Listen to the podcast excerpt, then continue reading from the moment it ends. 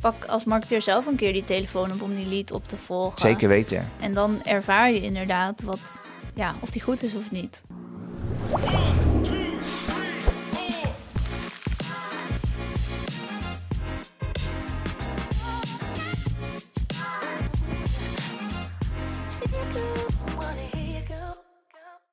Hoi allemaal en welkom bij weer een volgende aflevering van de Marketing in Tech podcast. Vandaag zijn Niels en ik weer aanwezig om het te hebben over de volgende stelling. Uh, maar voordat we naar de stelling gaan, uh, hebben we het natuurlijk weer over een actualiteit of iets wat ons is opgevallen. Uh, wat is jou opgevallen, Niels? Um, wat mij is opgevallen is, was een artikel op AG Connect dat Microsoft investeert in de ontwikkeling van een eigen chip om AI mogelijk te maken. Um, dus wat, ja, wat me daar opvalt is dat uh, momenteel heb je natuurlijk een aantal grote chipfabrikanten zoals Nvidia, uh, waar nu toch uiteindelijk de softwarebedrijven van afhankelijk zijn om uh, hun software op te kunnen laten draaien. Um, en dus het feit dat Microsoft weer extra investeert in die hardware, ja, vond ik wel een interessante ontwikkeling. Ja, want je hoort natuurlijk ook veel leveranciers die heel erg afhankelijk zijn van die chips met die chiptekorten. Uh, ovens die niet geleverd kunnen worden. Je denkt, zit daar een chip in, maar ja. Uh, overal auto's, zitten chips ja. Dus uh, ze nemen het heft in eigen hand. Exact, ja.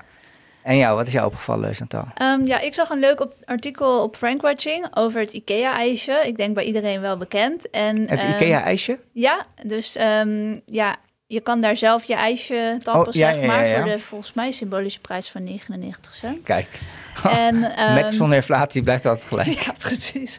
En uh, op, in dat artikel op Frankwatching hadden ze het erover waarom uh, dat IKEA-ijsje of hotdog, waarom dat daar is en waarom mm -hmm. dat na de kassa is. En dat vond ik wel interessant, want zij zeggen eigenlijk uit onderzoek blijkt dat um, consumenten na een aankoop eigenlijk altijd een soort ontevreden gevoel hebben of een twijfelgevoel.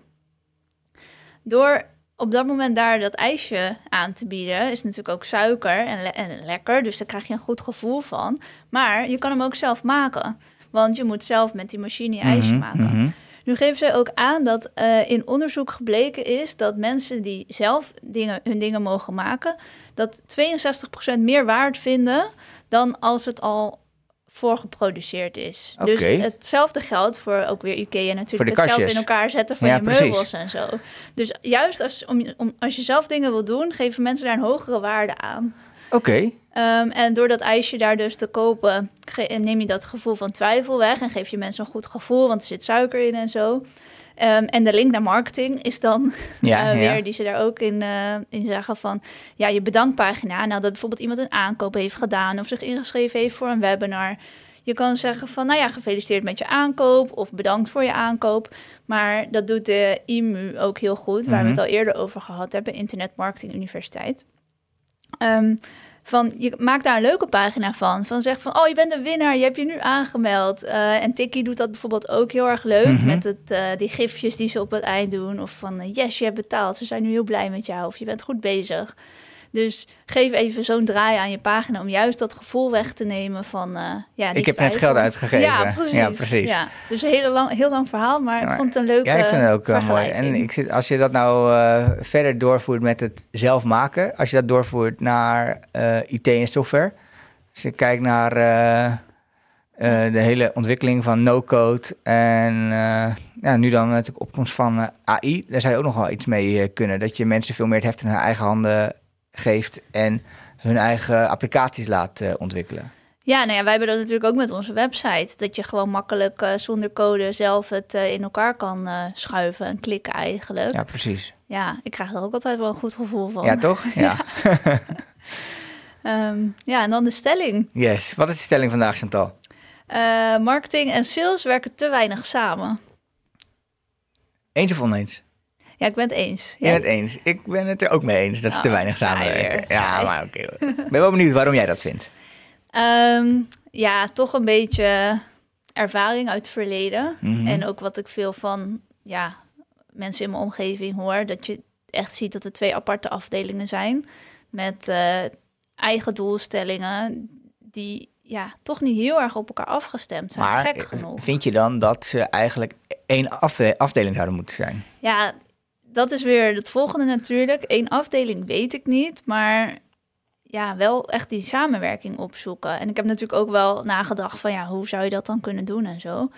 Maar ja, ik, ik denk echt dat marketing en sales veel meer samen zouden moeten werken. In de IT-marketing dan in elk geval. Ehm, ik, ja, ik ben het daar wel mee eens inderdaad. Ik, tegelijkertijd zie ik wel dat het ook gevaren met zich mee kan brengen. Omdat, eh, waar we het er vaker over hebben gehad, dat ma- marketing ook specifieke doelstellingen heeft die misschien niet direct commercieel van aard zijn op de korte termijn, maar wel op de lange termijn. En op het moment dat je met elkaar, met sales, toch te veel eh, je richt naar, oh, sales heeft doelstellingen en daar moet marketing bij faciliteren. Dat is een grote valkuil als je die samenwerking te strak maakt, zeg maar. Ja, omdat dan kan marketing zich te veel op de korte termijn gaan richten. Exact. Ja, dat is ook wel de reden dat ik denk dat het niet twee of eh, niet één afdeling moet zijn, maar juist twee afdelingen moeten blijven. Maar hoe kun je dan toch zorgen, er- ervoor zorgen dat die afdelingen beter met elkaar samenwerken? Ehm, ja, als je ik denk dat het een van de belangrijkste dingen is dat beide. Het zijn natuurlijk twee totaal verschillende type mensen en twee totaal verschillende type rollen. Mhm. Maar als je wel van elkaar weet wat je nodig hebt, dus gewoon een goed begrip hebt van dit zijn de uitdagingen die sales heeft en zo kan marketing daarbij ondersteunen. En andersom, dus bijvoorbeeld met elkaar mee gaan lopen, eh, een dagje of gewoon een, open gesprek aangaan. Ik merk dat dat vaak ook soms wel een beetje eh, aanvallend eh, ervaren wordt en verwijten. Door sales. Ja, als marketeer, ander- of ja, andersom. Ja, Ja, of andersom inderdaad. Van ehm, ja, marketing eh, die, die bereikt de verkeerde eh, doelgroep. Of die eh, brengt ons niet in contact met de juiste persoon. Of hoe vaak hebben we niet gehoord van ja, sales die zijn lui. Die koppen alleen maar eh, in en die doen verder niks. Ja, dat is allemaal natuurlijk niet waar. En er is wel een zeker wantrouwen richting eh, elkaar. Ja, precies. En dat, ik denk dat dat het eerste is wat, eh, wat eigenlijk wat je weg moet nemen. Ja. Dat kan je natuurlijk op verschillende manieren doen. Oké, dus ja, je hebt er een paar genoemd, onder andere meelopen met elkaar. Wat zou je nog meer kunnen adviseren aan onze kijkers die denken van... ik herken dit probleem, er is wantrouwen tussen marketing en sales. Ehm, nou, marketing en sales uit je werkt altijd wel goed. Ja, ja, ja. Een beetje teambuilding. ja. Ehm, maar ook bijvoorbeeld, volgens mij heb jij dat ook wel eens met klanten gedaan, een buyer journey workshop gaan doen. Van oké, welke stappen zitten er nou in zo'n een klantreis? Ehm, waar houdt marketing zich mee bezig? Waar houdt sales zich mee bezig? Maar zien beide afdelingen dat überhaupt wel als een soortzelfde reis of, of, of niet? Om daar overeenstemming over te vinden. En dan kun je ook goed kijken van ja, wie neemt welk deel voor zijn rekening en hoe kun je elkaar daarbij helpen? Ja, ik vind dat een hele goede. Misschien wel leuk om even toe te lichten hoe zo'n Buyer Journey Workshop eh, eruit ziet eh, voor eh, luisteraars en kijkers. Ehm, daarin brengen we voor de belangrijkste persona's binnen de DMU, de Decision Making Unit, brengen we in kaart wat de, de aankoopreis is. Eh, daarbij maak ik gebruik van het model van HubSpot. De journey die bestaat uit drie fasen: awareness, consideration, decision. In de awareness fase heb je het over trends, ontwikkelingen in de markt die een invloed kunnen hebben op een aankoopbeslissing. Ehm, in de consideration fase ehm, heeft de, ja, persona heeft al wat duidelijker welke trends er zijn, wat zijn probleem is ehm, en is op zoek naar mogelijke oplossingen. En in de decision fase heeft hij duidelijk zijn probleem gedefinieerd en is hij op, ja, ja, is hij op zoek om te beslissen welke specifieke oplossing die uiteindelijk kiest. En dat, die informatie, die kun je vervolgens weer gebruiken om je content op eh, te schrijven, je eh, eh, podcast eh, eh, thema's, je webinars op eh, te, te maken. En op basis daarvan kun je dan dus leads genereren die interesse tonen in een bepaald thema. En die kun je dan ook met marketing automation, waar we het eerder over hebben gehad, kun je door die hele reis eh, loodsen. En door uiteindelijk, je hebt sales nodig, omdat sales natuurlijk veel contact heeft met die klant, om op basis daarvan een gezamenlijk ja, dat, eh, die reis, die journey eh, uit eh, te stippelen. Dus dat ben ik, eh, ja, dat vind ik wel een, hele goede tip als er gewoon iets heel concreets wat je met elkaar eh, kunt eh, ondernemen. Ja, en buiten dat het ook echt een, uh, iets oplevert, dus je hebt straks die klantreis goed in beeld, is het ook leuk om dat samen te doen. Maak er een leuke dag van. Uh, ga lekker lunchen. Ja. Moet natuurlijk wel budget voor zijn, maar ja. dat, uh, dat, dat lukt vaak wel. En um, dan vervolgens zie je ook wel dat uh, marketing afgerekend wordt op leads. Of we hebben het hier ook al eerder over gehad, of op marketing qualified leads. En sales op de deal. Maar als je die, die ja, getekende order eigenlijk ook misschien iets meer bij marketing mee laat wegen, kun je wel ervoor zorgen dat de lead dat marketing er een groter belang bij hebt of heeft om uh, de juiste leads te ja, genereren en die ook echt goed te kwalificeren, zodat ze het uiteindelijk waarde opleveren. En dat je niet inderdaad die vanity metrics krijgt met kijk, we hebben zoveel leads, we doen het super goed, terwijl het in de werkelijkheid niks oplevert. Ja, precies. Of wat ik ook zo'n mooie uh, metric vind, uh, waar marketeers vaak mijn scherm is, kijk eens hoeveel bereik we hebben. Hebben 200.000 mensen bereikt met onze advertentie. En dan kijk je, ja, en, dus, ik zeg, zeg niet dat het waardeloos is, alleen... Um, het, is niet, eh, gaat niet bijdragen aan die sales-toestelling op korte termijn in ieder geval. Ja. Um, wat ik zelf ook heb gemerkt, ik, omdat ik, ik werk nu natuurlijk als zelfstandige, mm waardoor ik ook een stuk sales moet doen voor mijn, uh, ja, voor mijn eigen business. Maar ik heb in het verleden ook uh, wel eens bij echt kleine organisaties een gecombineerde rol gehad, sales en marketing. Wat, je, dat zie je toch ook wel eens, een mhm. sales en marketing coördinator. En uiteindelijk in de directie zijn sales en marketing toch ook vaak bij dezelfde persoon uh, belegd. Dus in die zin uh, is die samenwerking of die uh, versmelting er ook weer wel uh, op sommige punten. Maar wat mij heel erg veel inzicht heeft gegeven is... als je dus ook verantwoordelijk bent om die lead op te volgen... om gewoon deals te scoren... Ja, dan is het je er alles aan gelegen om die, wat ik dan noem, die commerciële infrastructuur... om die gewoon te optimaliseren. Omdat je ja, voor sales is het gewoon heel lastig om koud te gaan acquireren. En uh, voor marketing is het aan de andere kant ook weer lastig om ja, inkoppertjes uh, te genereren. Dus uh, in die zin is het gewoon goed als je, wat je aan het begin ook al zei, dat je gewoon heel erg bewust bent van wat elkaars uitdagingen zijn. En dat je daar probeert elkaar zoveel mogelijk op te helpen. Ja, en wat je eigenlijk net zegt, is ook wel misschien een goed, goede tip. Is gewoon pak als marketeer zelf een keer die telefoon op om die lead op te volgen. Zeker weten. En dan ervaar je inderdaad wat, ja, of die goed is of niet. Ja, en um, dat, ja, of die goed is en hoe moeilijk het is voor sales om dat gesprek aan te gaan op basis van een whitepaper download. Ja. Bijvoorbeeld, ja. bijvoorbeeld. Goeie tip. Ja. Um, ik heb ook nog even gekeken als we nog de luisteraars niet overtuigd hebben van uh, waarom marketing en sales uh, moeten samenwerken, naar wat statistieken. Kijk. Um, en uit veel onderzoeken blijkt dat het echt wel van toegevoegde waarde is om die afdelingen beter samen te laten werken. Uh, HubSpot heeft een onderzoek gedaan. Ik pak even de aantekeningen ja, ja. bij met exacte cijfers. En um, die heeft uh, onderzocht dat um, bedrijven die uh, dus goed samenwerken, 67% meer omzetgroei realiseren dan marketing- en sales teams waar die niet goed samenwerken. Okay. Nou, dan is, is dat natuurlijk een heel significant aantal. Nu is het ook wel zo van ja, wat is dan goed en wat is niet goed? Ja, ja, ja, Want dat tuurlijk. blijft natuurlijk heel vaag, maar het geeft wel een beetje een, een beeld. Ja.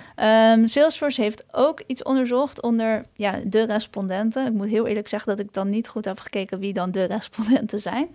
Maar uh, 86% is van mening dat een gebrek aan samenwerking ervoor zorgt dat er veel mislukte verkoopinspanningen zijn. Oké, okay.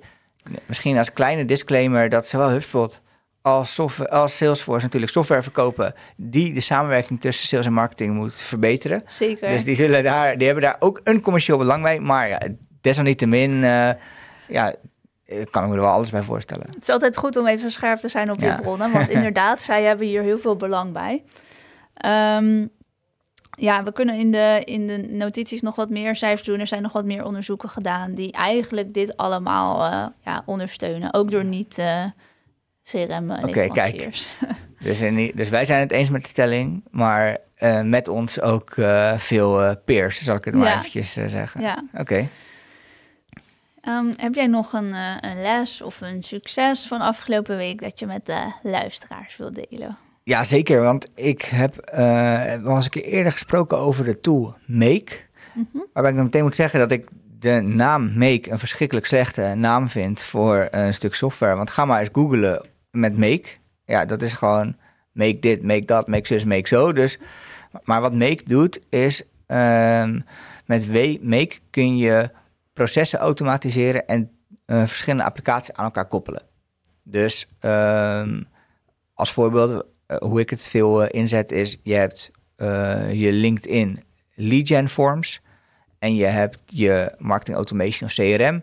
En je wil eigenlijk dat die, zodra er een formulier wordt ingevuld, dat dan die data naar je CRM uh, wordt gestuurd. Ja, in plaats van dat je dus een Excel moet downloaden en dat weer moet importeren, de velden juist moet zetten. Exact. Dat heb jij geautomatiseerd. Dat heb ik geautomatiseerd, in dit geval met Make. En uh, alternatief voor Make is uh, Zapier. Mm -hmm. um, en Make heette vroeger Integromat. Okay. En tegenwoordig heet het Make.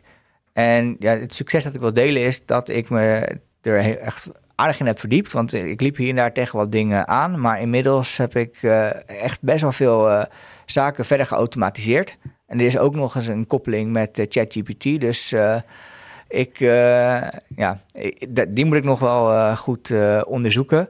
Maar het, succes voor mij is dat ik mijn werk nog verder heb kunnen automatiseren. Waardoor ik nog efficiënter kan werken. Klinkt goed, goede ja? tip. Misschien omdat het zo moeilijk te vinden is, kunnen we even een linkje opnemen. Wij maken, uh, het is make.com. Okay. Um, nou, dat is dan weer makkelijk. Die, dat, is, dat, dat is eenvoudig. Alleen als je vervolgens een issue hebt, dus omdat er een bepaalde trigger of zo niet helemaal goed werkt en je gaat op zoek wat het probleem zou kunnen zijn, dan is dat toch wat lastiger. Ja. Dus dan was de naam Integromat wat uh, eenvoudiger. Maar er zullen waarschijnlijk hele slimme brand marketeers hebben gezeten die hebben gedacht, nee, make, dat is het het merk dat we moeten uh, kiezen. Ja, ben, misschien kunnen we dat nog een keer opzoeken. Ja, precies. Ja. En jij, Chantal, nog een les of een succes van de afgelopen week? Ja, nou ja, zoals misschien al eerder gedeeld hebben, ben ik recent met een, bij een nieuwe baan uh, begonnen. En dat heeft me eigenlijk ook een beetje ja, gedwongen om ja, weer even op met een andere blik naar marketing en campagnes te kijken. Um, want ja, als je toch al een tijdje bij hetzelfde bedrijf werkt, dan op een gegeven moment heb je, je je manier van werken, je manier van campagnes doen. Je, ja, het gaat toch een beetje op de automatische piloot, langzamerhand. Mm -hmm. En um, ja, nu ben ik met een campagne bezig die eigenlijk eventjes uh, ja, heel anders is. Het, het, is een hele specifieke boodschap op een hele specifieke doelgroep met wat eigenlijk growth hacking-achtige tools ja. die we gaan inzetten. Zoals wat? Um, ja, Dripify, Skylead. Um, er is nog een andere extensie die je weer aan je Sales Navigator kan koppelen. Dus het okay. is echt een hele verzameling aan allerlei tools. Misschien kun je ze koppelen met Make. Ja, precies. en um, ja, de verwachting is daarmee dus dat we met een, hele, uh, ja, met een heel laag budget eigenlijk best wel een grote conversie uh, gaan behalen. Oké. Okay. Maar het blijft natuurlijk altijd een beetje testen, want het is geen wetenschap. Um, dus ik ga wel op een in een volgende podcast eventjes uh, delen hoe dat uh, gegaan is. Maar mijn les is dus eigenlijk van ja, doe af en toe even een stapje terug en neem de tijd en daag jezelf uit om ook even op een andere manier naar, uh, naar campagnes te kijken. En met dan het doel als uitgangspunt in plaats van het middel eigenlijk. Ja, precies. Dus probeer die, van die automatische piloot af te stappen. Wat ik merk dat in de praktijk vaak best wel lastig is. Omdat er gewoon... Je hebt op een gegeven moment een bepaalde flow gevonden, manier die werkt. Wat ook uh, weer goed is, want wat, het is wel heel efficiënt werken. Wat prima is. En, uh, en als het druk is en je hebt een uh, beproefde methode, nou, dan uh, ben je geneigd om die gewoon vaak in te zetten. Maar daarmee mis je misschien wel ja, weer hele mooie, nieuwe, innovatieve manieren om je doelstelling op een andere manier te bereiken.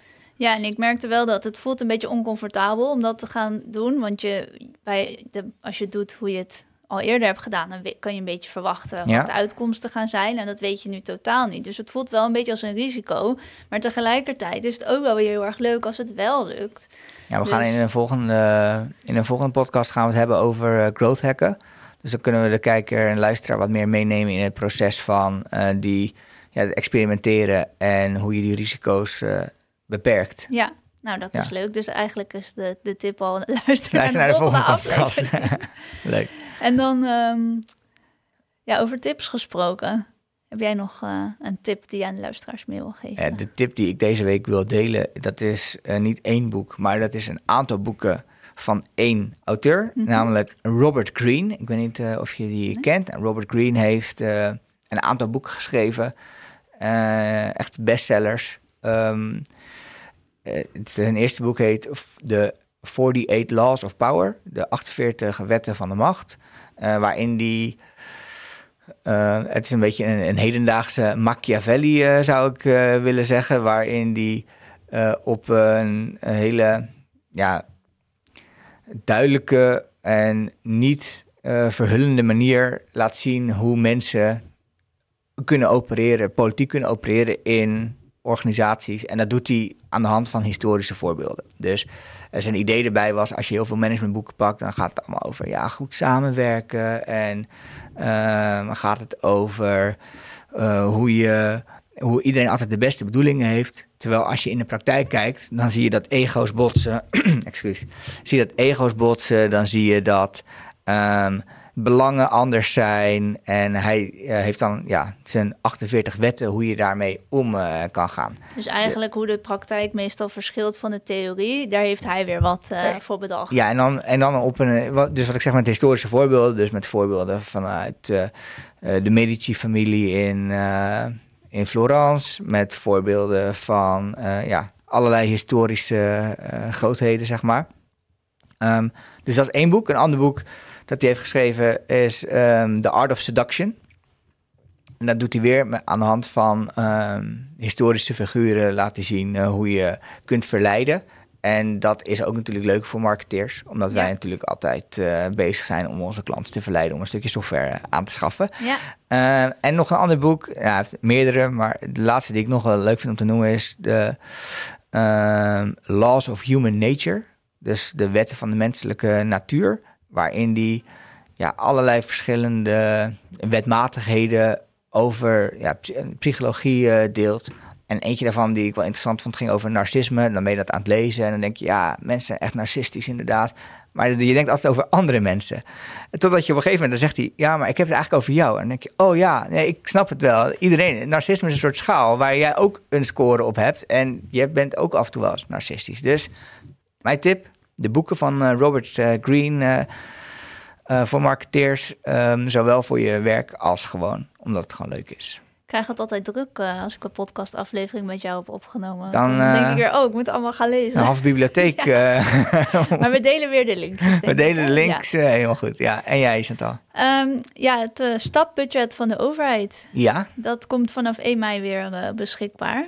Ehm, om 10 uur. Ja dat, Dus, eh, eh, ik eh, heb Met er- dat budget kun je ja, een, een opleiding of een cursus gaan volgen die dan in aanmerking komt. Je moet wel even kijken of je ook in aanmerking komt en of die opleiding in aanmerking komt. Jij hebt natuurlijk al eentje gedaan bij Ik heb. Ik heb er al een keer eentje gedaan. De allereerste stap. Ja, dus jij toen komt ik niet meer in aanmerking. De allereerste keer dat ik hoorde van de stap, dacht ik... oh, dat is wel een leuke manier om mijn belasting terug te krijgen. Van alle belasting die ik betaal, om eens een keer wat terug te krijgen. Maar het concept stap is natuurlijk wel een beetje dubieus.